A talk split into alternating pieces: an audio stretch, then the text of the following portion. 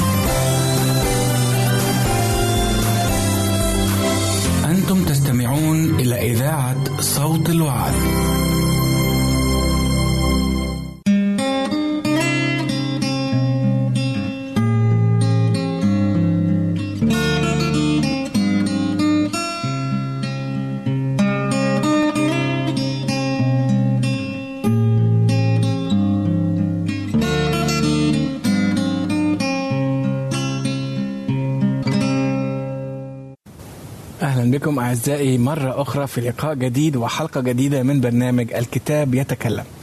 في هذا اللقاء سنتناول موضوع آه، الملك نبوخذ نصر والحلم الذي شاهده والذي لم يعرف ما هو. ومعي في الاستوديو كما اعتدنا جناب القسيس سامح. أهلا بحضرتك. أهلا بك وجناب القسيس توفيق أهلا بيك. آه، القسيس سامح آه، قبل ما ندخل في الموضوع عايزين نعطي مستمعين لمحة سريعة عن الملك نبوخذ نصر من هو وإيه موضوع الحلم اللي شافه دون قديما كان الإمبراطوريات اللي بتحكم كانت تحكم العالم كله. وإمبراطورية بابل بالرغم إن بابل هي منطقة موجودة في العراق لكن كان ملك نبوخذ نصر في الوقت ده كان يحكم العالم كله. يعني هو كان ملك بابل كان ملك لكن بابل. بابل كانت إمبراطورية. أيوه مظبوط. الأطراف. تمام. تشمل العالم المعروف في ذلك الوقت. آه. كل العالم المعروف. والملك نبوخذ نصر حكم فترة وكان آه، حصلت أحداث تتعلق بشعب الله. دخل آه، أورشليم وسبى آه، شعب ربنا وأخذ مقتنيات الهيكل. وربنا في أعطى بعض الأحلام أو النبوات من خلال هذا الملك الوثني كان ملك وثني الملك نبوخذ نصر واداله حلم. الحلم ده ذكر في أصحاح واحد بس. اللي هو في البداية السيس توفيق ما عرفش آه ما هي دي إيه كانت هو؟ صعوبة. يعني كان شاف حلم وعارف وكان فاكر إنه حلم مهم جدا أو أو ترك انطباع وأثر شديد طيب. فيه لكن حاول يفتكره وما قدرش. صح. ما هو دي النقطة. يا إما إن هو فعلا كان الحلم آه، مزعج بالنسبة له وبس الصحي مع مع مش. متذكرش نسي.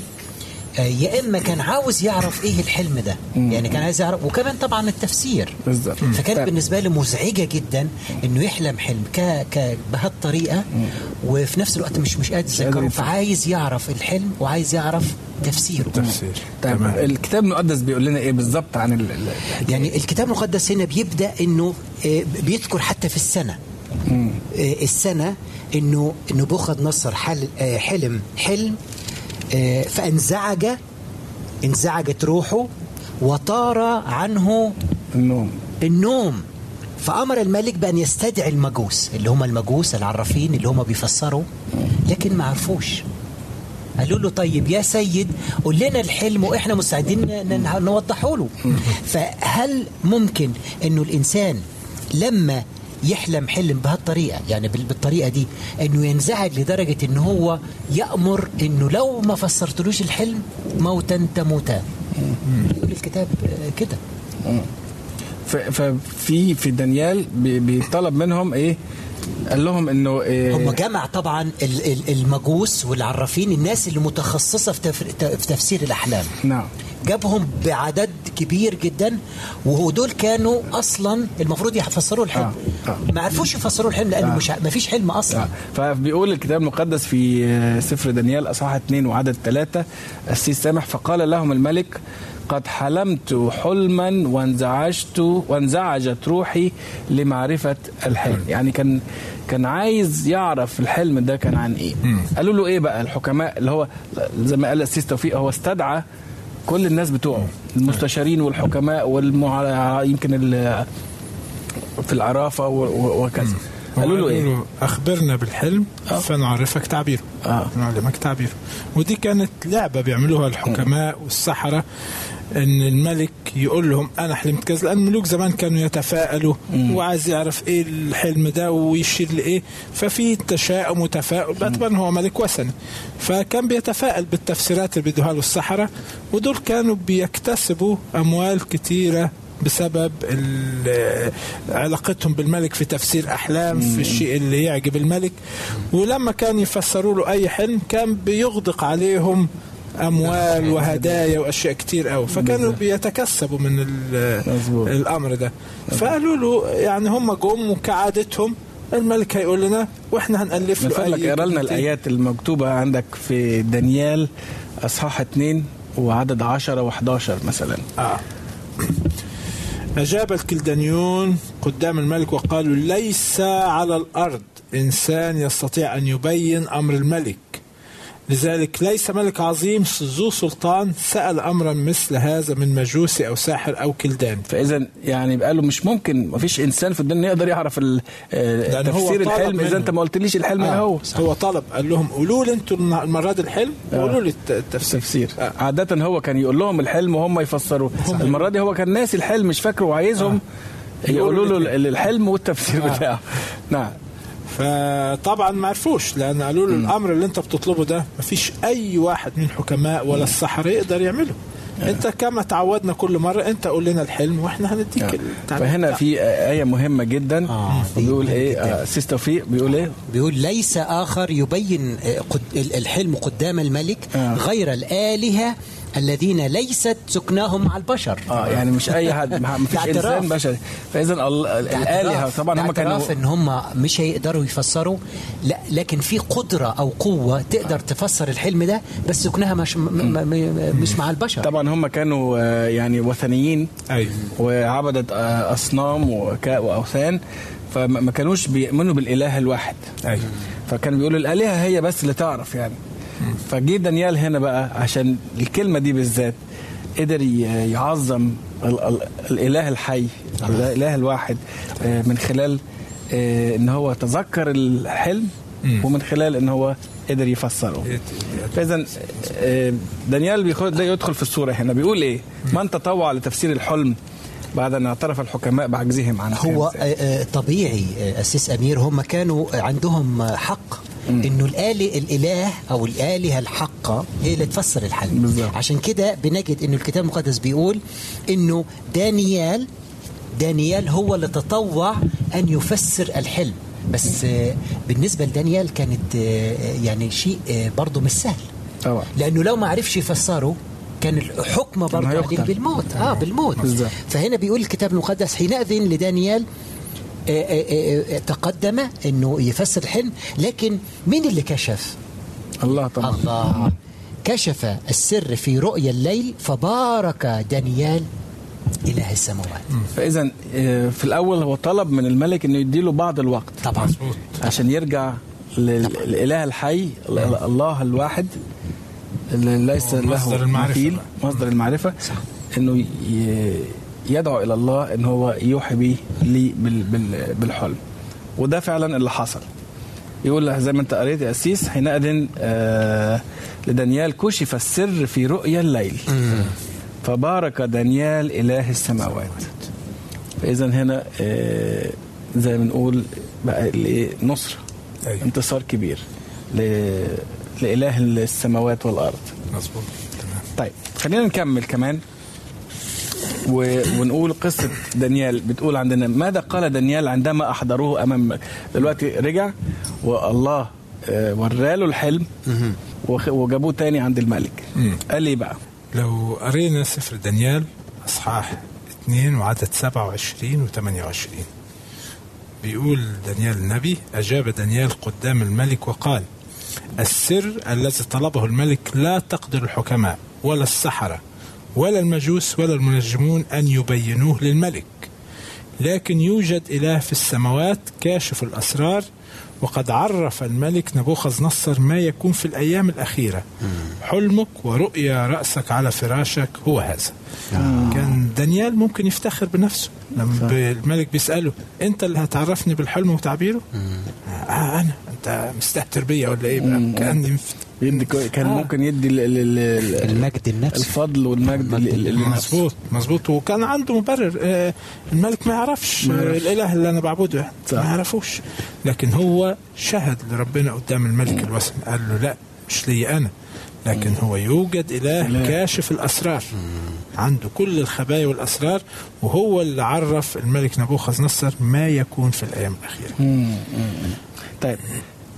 قال لي بقى قال له آه بيقول إيه حلمك ورؤيا رأسك على فراشك هو هذا. هذا نعم. آه قال إيه بقى اللي شافه آه؟ وبدأ إن يقول له إنه الأول يقول له الحلم الأول آه. وبعدين يفسره له. بالظبط. فأول آه، ال ال يعني بدايته هو قال له أيها الملك هنا بيقول مثلا بنكمل حلمك ورؤيا رأسك على فراشك هو هذا. أنت أيها الملك كنت تنظر وإذ بتمثال عظيم.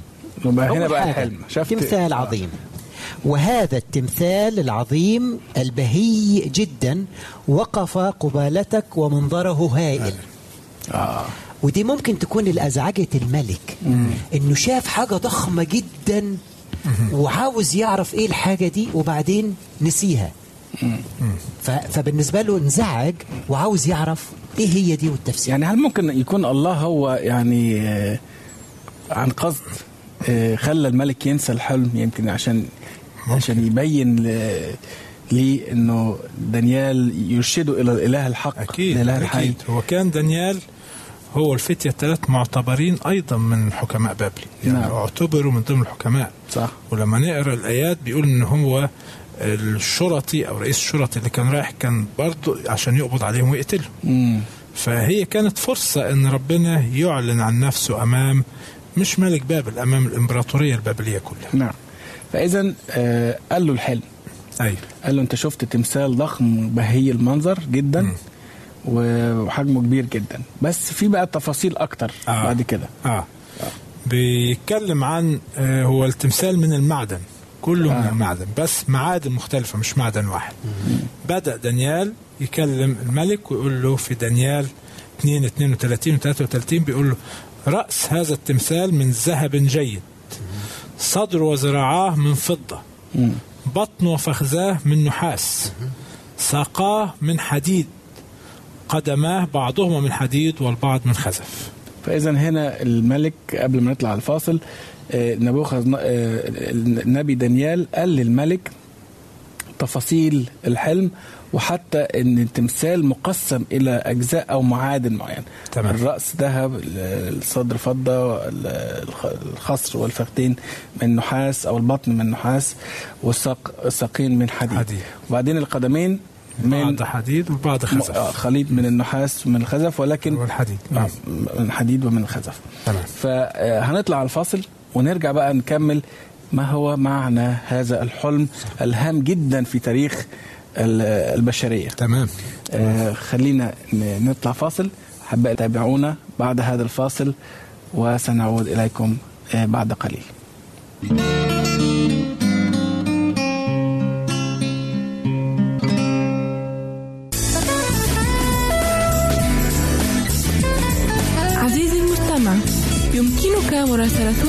على عنواننا الإلكتروني Arabic at awr.org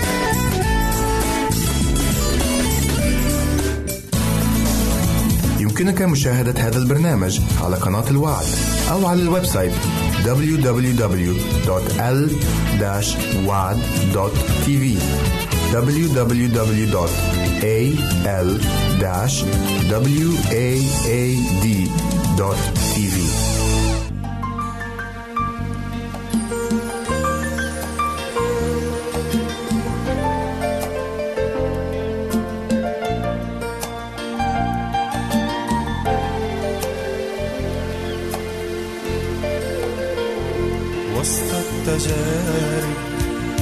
سوف أحارب ورغم ضعفي سأكون غالب وسط التجارب.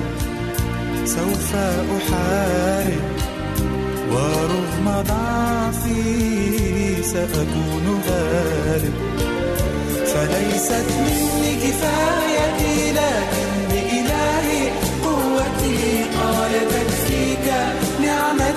إن كنت بالنعمة تحارب فليست مني كفايتي لكن بإلهي قوتي قال تكفيك نعمتي إن كنت بالنعمة تحارب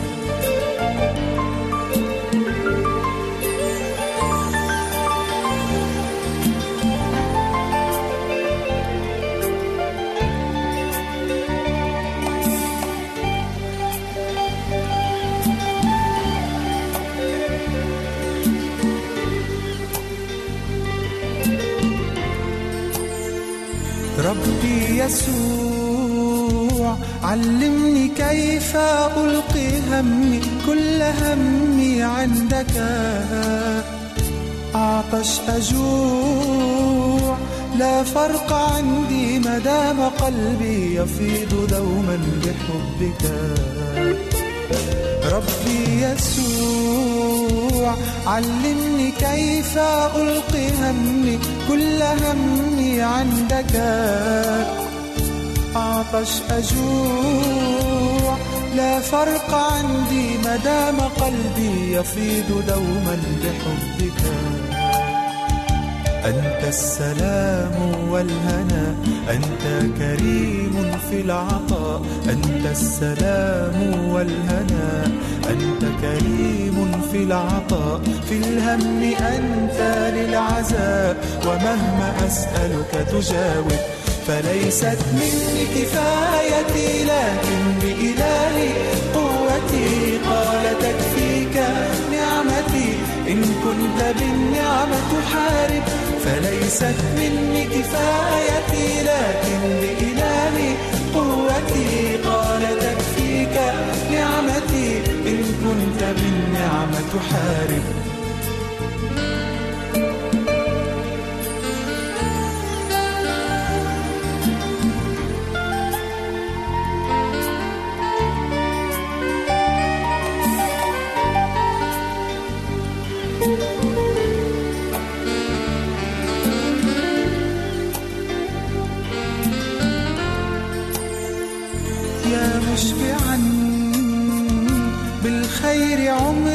مجددا شبابي مثل الطائر.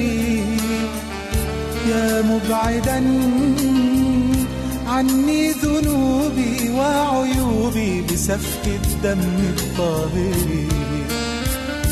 يا مشبعا بالخير عمري مجددا شبابي مثل الطائر. يا مبعدا عني ذنوبي وعيوبي بسفك الدم الطاهر. للموت عندك مخارج للداء أنت معالج. للموت عندك مخارج للداء أنت معالج. بحبك قلبي هائج وروحي برؤياك تطالب. فليست مني كفايتي لكن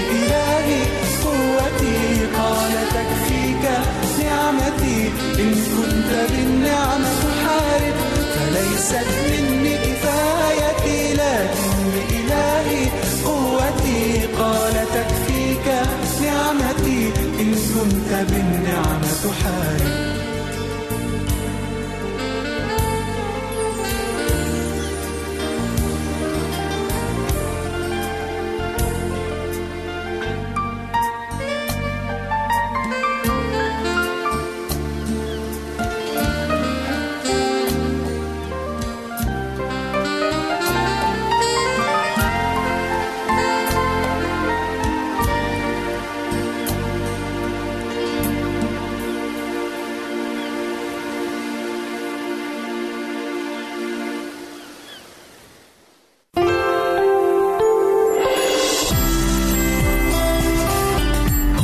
إذاعة صوت الوعد.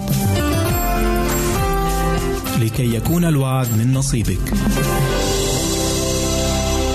عزيزي المستمع يمكنك مراسلتنا على البريد الإلكتروني التالي Arabic at awr.org العنوان مرة أخرى Arabic at awr.org ونحن في انتظار رسائلك واقتراحاتك نحب أن نسمع منك. راسلنا على البريد الإلكتروني Arabic at awr.org نحن ننتظر رسائلكم واستفساراتكم.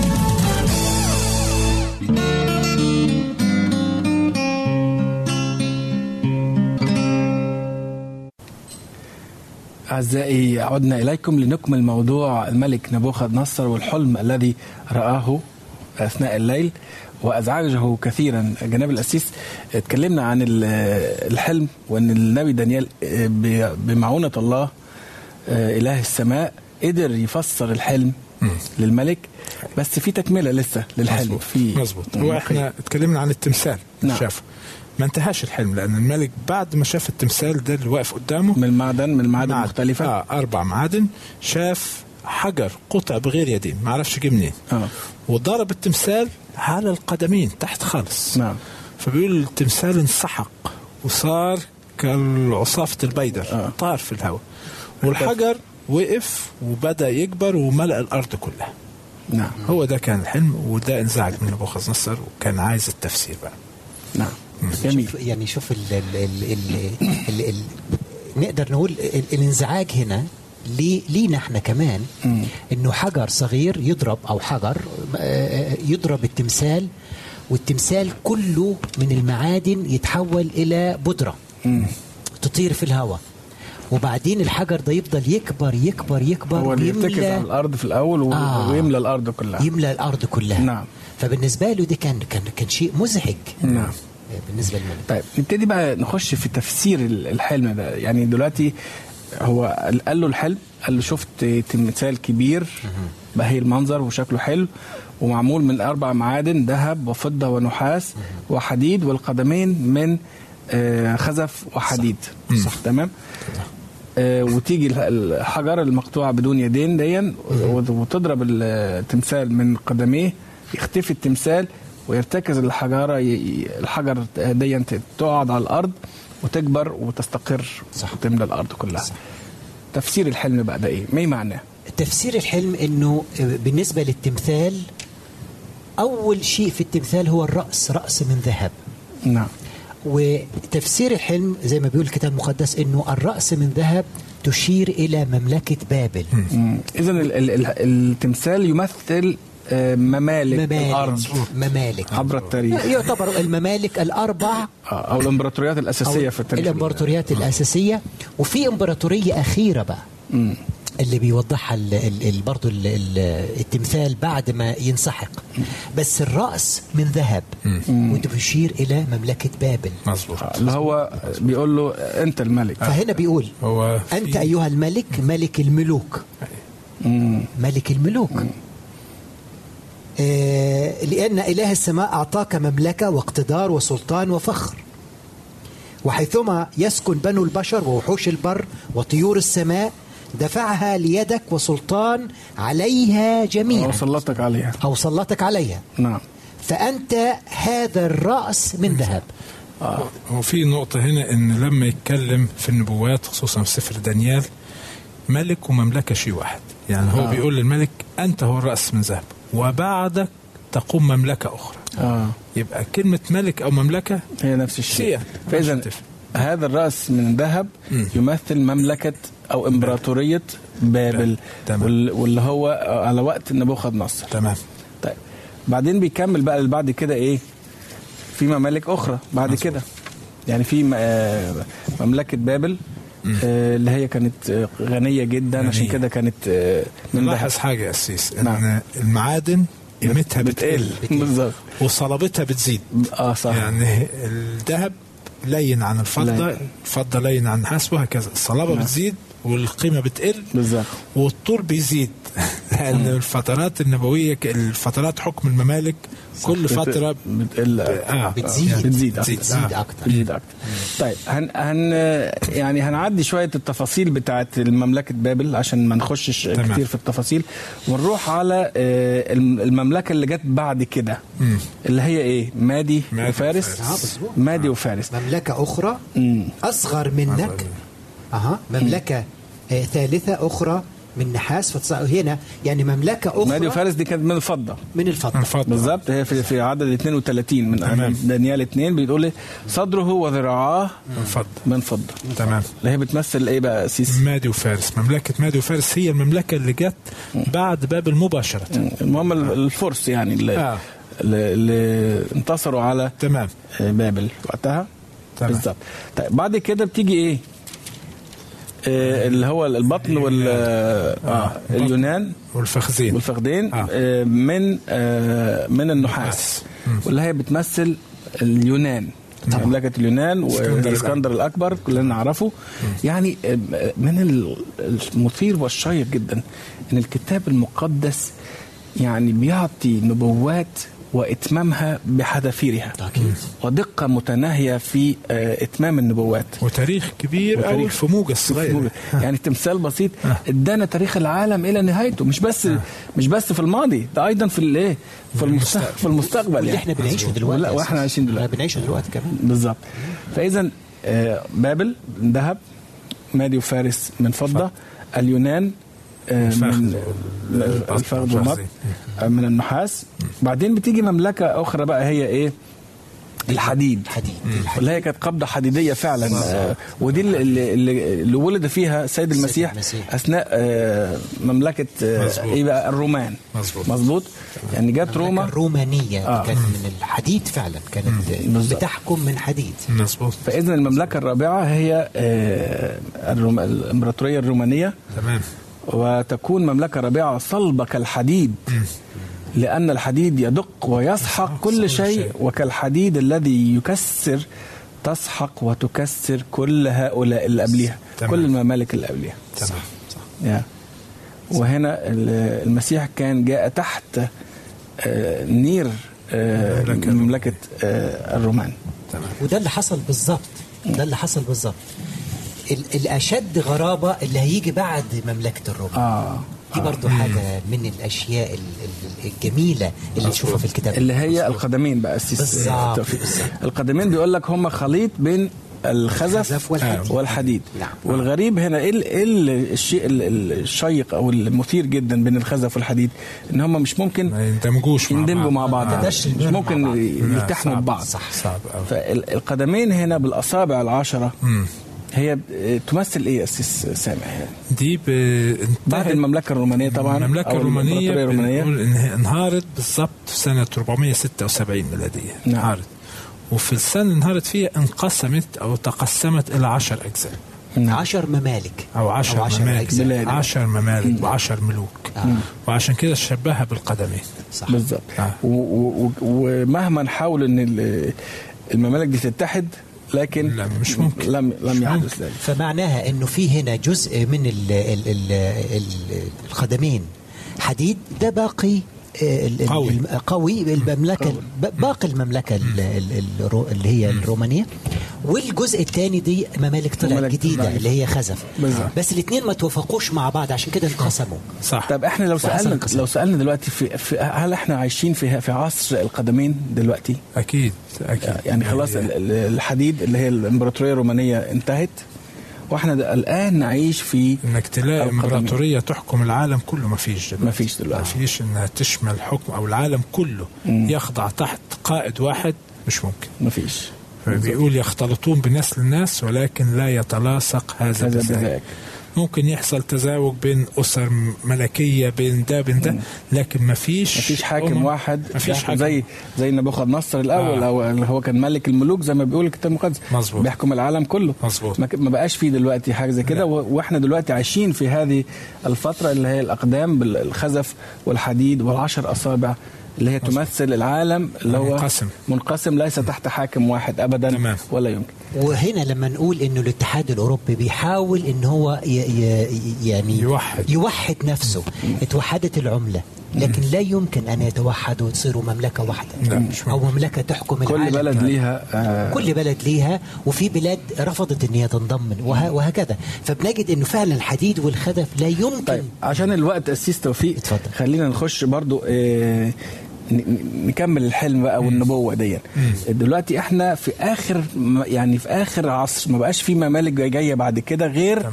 الحجر آه. اللي هو لسه بقى ما, ما ما نسفش. يعني إحنا في الأقدام هيجي الحجر دلوقتي. إيه الحجر ده بقى؟ خلينا يسحق يسحق كل اللي فات ده بقى. وهو اللي إيه يأسس مملكة أبدية. وضحها دانيال برضو في دانيال 2 44 بيقول في أيام هؤلاء الملوك يقيم إله السماوات مملكة لن تنقرض أبدا نعم. وملكها لا يترك لشعب آخر وتسحق وتفني كل هذه الممالك وهي تثبت إلى الأبد ده أهم جزء يمكن في النبوة أو في الحلم آه، واللي هو بيمثل تاريخ العالم آه، من البداية للنهاية تقريبا. آه، سامح مظبوط. و آه، وال- وال- والحجر ده خلاص يعني اصبحنا دلوقتي الحدث القادم هو الحجر لأن إحنا دلوقتي في الأقدام. تمام. يعني كل ال- النبوات تقريبا تمت بنعيش كل العلامات اللي بتحيط بينا تؤشر إلى قرب هذا الحدث العالمي اللي هو سيزيل كل الممالك السابقة ويتأسس وتصبح مملكة أبدية كل الممالك اللي فاتت في التمثال ظنت إن هي هتبقى للأبد. نعم. حتى بابل. بابل الآثار اللي اكتشفوها بيكتشفوا حاجات إن في أختام كانت على بعض القوالب وكده بتقول المملكة أبدية ستبقى إلى الأبد. نعم. والملك نبوخذ نصر بعد الحلم اللي اداه آه، تفسيره دانيال. حب يثبت إن هو مملكته هي لا تبقى. نعم. مفيش حاجة اسمها وبعدك تقوم مملكة أخرى وبعدها مملكة ثالثه ورابعة. راح عمل تمثال كله من الذهب. كله ذهب. كله ذهب عايز تبقى يقول ذهب. آه أنا مملكتي هي من الرأس للقدمين نعم. ولكن. لكن انتهت. جت وانتهت وجت اللي. وراها واللي بعديها التحصينات اللي كانت عاملاها بابل نفسها لما نقرأ التاريخ سورين داخل بعض. وكده، لكن كلمة الله أثبت. لما كلمة الله تقول إن مملكة بابل هتسقط سقطت. نعم. فإذا آه، الحدث أو المملكة القادمة هي مملكة السيد المسيح. آمين. عندما يأتي على صاحب المجد ويؤسس مملكة أبدية آه، يعيش فيها البر. كلمة أخيرة أسيس آه، توفيق قبل ما. السيد المسيح وضع الأساسات. لما نزل على الأرض وعاش آه، يعني 33 سنة ونص أسس هذه المملكة. لكن بناء المملكة وإتمامها كله مع مجيء المسيح على ثانية. كلمة أخيرة أسيس سامح. آه يا ريت إن إحنا نلتفت للنبوات ونثق بإن كلمة ربنا صادقة. ونعرف من كلمة ربنا من أحداث دانيال أصحاح اتنين إن إحنا فعلا بنعيش في الأيام الأخيرة. أحبائي بنشكر متابعتكم ونتمنى أن تدرسوا الكتاب المقدس كلمة الله وتدرسوا النبوات لأن هي التي سترشدنا إلى ما هو آتي الرب معكم ويرعاكم.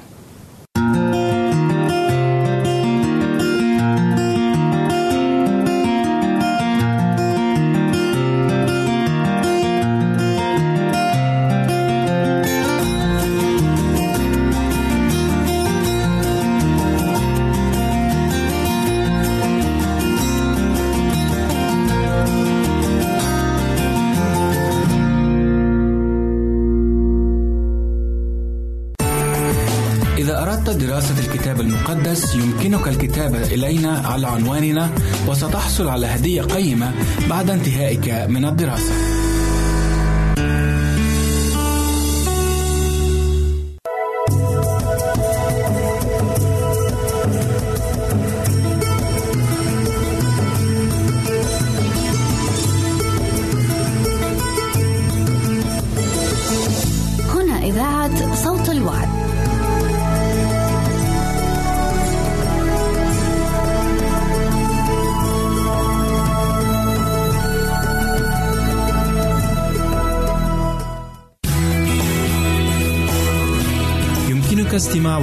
برامجنا من موقعنا على الإنترنت www.awr.org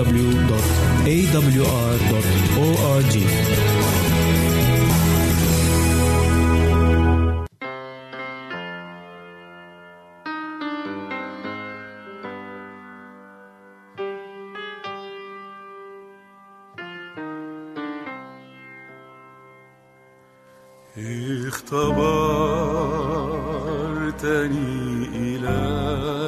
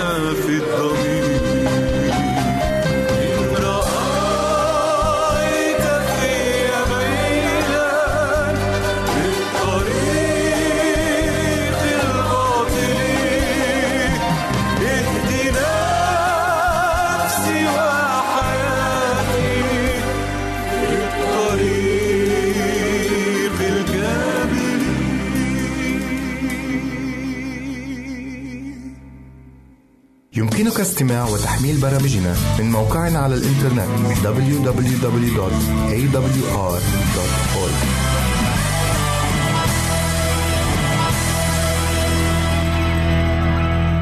أصدقائنا المستمعين أهلا ومرحبا بكم إلى حلقة جديدة من البرنامج الشيق هل تعلم؟ حيث سنتعرف اليوم على بعض المعلومات الطبيعية راجين أن تقضوا معنا أوقاتا ممتعة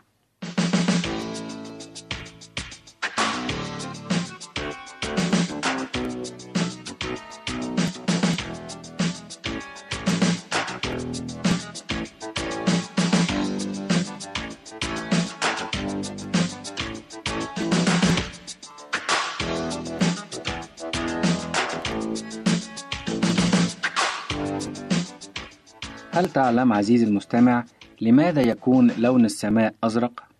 إن السبب في كون السماء زرقاء هو لأن الأشعة الزرقاء في ضوء الشمس لا تصلنا في خط مستقيم كسائر الأشعة، ولكنها تتغير بتأثير الهواء الجوي، فتصل إلى أعيننا من كل جانب، فيتغلب اللون الأزرق تبعًا لذلك، فنحن نرى السماء زرقاء بسبب ضوء الشمس والأشعة الزرقاء منها بالتحديد، فهذه الأشعة الزرقاء دون غيرها تتعرض للبعثرة وهي آتية إلينا عبر الغلاف الجوي، لأن الهواء يبعثرها بحيث تسقط على أعيننا من كل جانب، وهذا هو ما يجعل السماء تبدو لنا زرقاء. ومن زرقة السماء والصفاء ننتقل الآن إلى البركان فماذا تعلم عن البراكين؟ البركان جبل من صخور وأتربة ورماد، تكونه الحمم المندفعة ذائبة من جوف الأرض، والصخور المقتلعة من جوانب المدخنة أي فوهة البركان. عندما تبرد هذه الحمم تتجمد. فولكان هو إله النار الجوفية عند الرومان، ومنه أعطي البركان اسمه volcano. وما البركان إلا صمام الأمان بالنسبة إلى نواة الأرض الداخلية الذائبة المتأججة. إذا خمدت البراكين كونت فوهاتها في الغالب بحيرات جميلة. عندما يستفيق بركان تنفجر قمة مخروطه، فتنفث الدخان والأبخرة والغازات الملتهبة، والحمم والرماد. بعض البراكين يولد في قاع البحر فيكون جزرًا. غالبا ما يشكل تفجر البراكين كوارث فاجعة، فانفجار جبل بيلي في جزيرة المارتينيك في بحر الأنتيل عام 1902 ذهب ضحيته أربعين ألف قتيل. ومن البراكين ننتقل إلى الزلازل لنتعرف على أسباب حدوثها. قشرة الأرض رقيقة جدا وقد يحدث لها أن تنفسخ وتهبط. محدثة على سطح الأرض انهيارا في الأبنية أو انزلاقا في التربة أو مدا عاليا في البحر. الزلازل كثيرة جدا بعضها خفيف نكاد لا نشعر به يسمى هزة أرضية وبعضها عنيف يحدث انهيارات في المنازل تتبعها الحرائق وانزلاقات في طبقات القشرة الأرضية تطمر المدن والقرى كما يتسبب بنشوء البحيرات وانحراف مجاري الأنهار إذا حدث الزلزال في البحر أثار سلسلة من الأمواج الهائلة التي تندفع نحو الشاطئ مدمرة السدود والأرصفة والموانئ. إن زلزال من هذا النوع حدث في اليابان بتاريخ الأول من أيلول عام 1923 فأودى بحياة 150 ألف نسمة. ذكرنا قبل قليل أن الزلازل تسبب حدوث أمواج هائلة، فهل تعلم أن هذه الأمواج تسمى تسونامي؟ هذه الأمواج تنطلق من عرض المحيط إلى الشاطئ بسرعة هائلة تتراوح بين 500 إلى 700 كيلومتر في الساعة ونذكر من هذه الأمواج تلك التي أحدثها بركان كراكوتا في أندونيسيا وذلك حين ثار ثورته الكبرى سنة 1883 فقد بلغ ارتفاع تلك الأمواج 36 متر وذهب ضحيتها 36 ألف نسمة.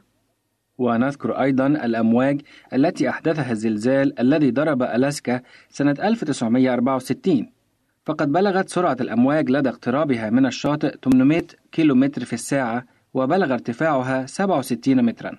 بقي أن نعرف أن قوة الزلازل يمكن قياسها بواسطة مقياس ريختر المكون من تسع درجات ويعتبر الزلزال مدمرا إذا زاد عن ست درجات ويعد هذا المقياس من أفضل المقاييس. ومن مزاياه أنه يستطيع قياس الزلازل حتى في المناطق غير المأهولة سواء كانت في اليابسة أو في الماء. كلما أسمع خبرا عن حدوث زلازل في مكان ما من العالم أو مجاعات أو حروب أتذكر كلام السيد المسيح عن علامات المنتهى حيث قال في إنجيل متى أصحاح 24 والأعداد من 6 إلى 8 لأنه تقوم أمة على أمة ومملكة على مملكة وتكون مجاعات وأوبئة وزلازل في أماكن ولكن هذه كلها مبتدأ الأوجاع. لنستعد أعزائي لأننا نعيش في الأيام الأخيرة فمجيء المسيح قريب على الأبواب ولنتذكر قول المسيح الذي يصبر إلى المنتهى فهذا يخلص أملي أن نكون جميعا من المخلصين.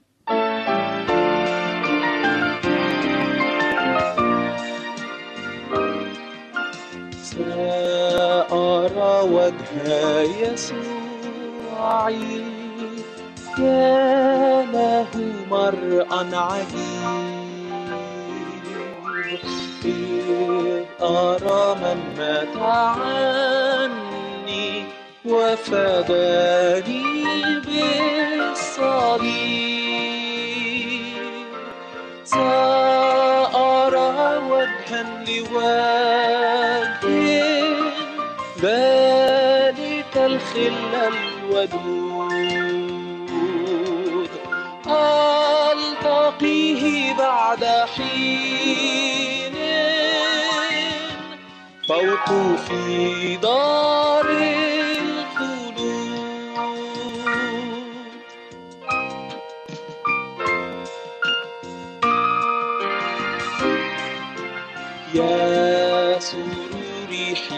ألقى الرب في دار الأمان. ومحيا من فداني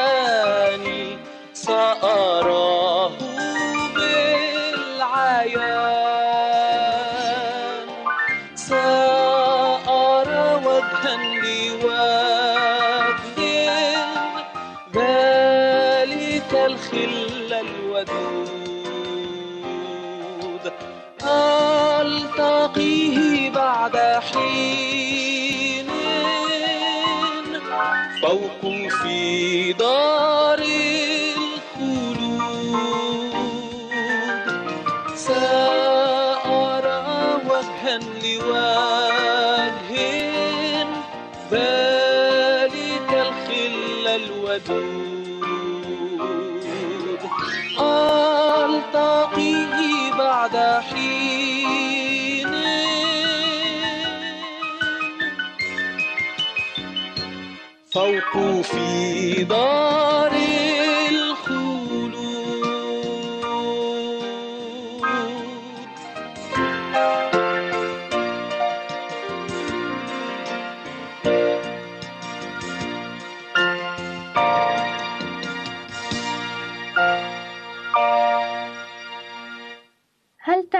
أن المحار يشرب المياه الحلوة؟ وإذا لم يتوفر الماء الحلو فإنه يصفي الماء المالح ليصبح عذبا وهل تعلم أيهما أكبر وأطول الأفاعي السامة أم الأفاعي غير السامة؟ إن الأفاعي السامة تكون صغيرة نسبيا إذ يكفيها السم كسلاح مؤثر وأطوالها تتراوح بين 20 إلى 180 سنتيمتر وأهم أنواعها الكوبرا وهي على عدة أشكال. منها الكوبرا الهندية والكوبرا المصرية والكوبرا ذات المنظار والكوبرا السوداء.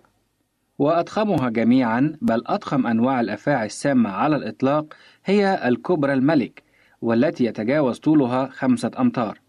والسم في الأفاعي السامة أنواع فمنه ما يتلف الأوعية الدموية ويحطم كريات الدم الحمراء. ومنه ما يشل حركة الجهاز العصبي المركزي وجهاز التنفس والقلب.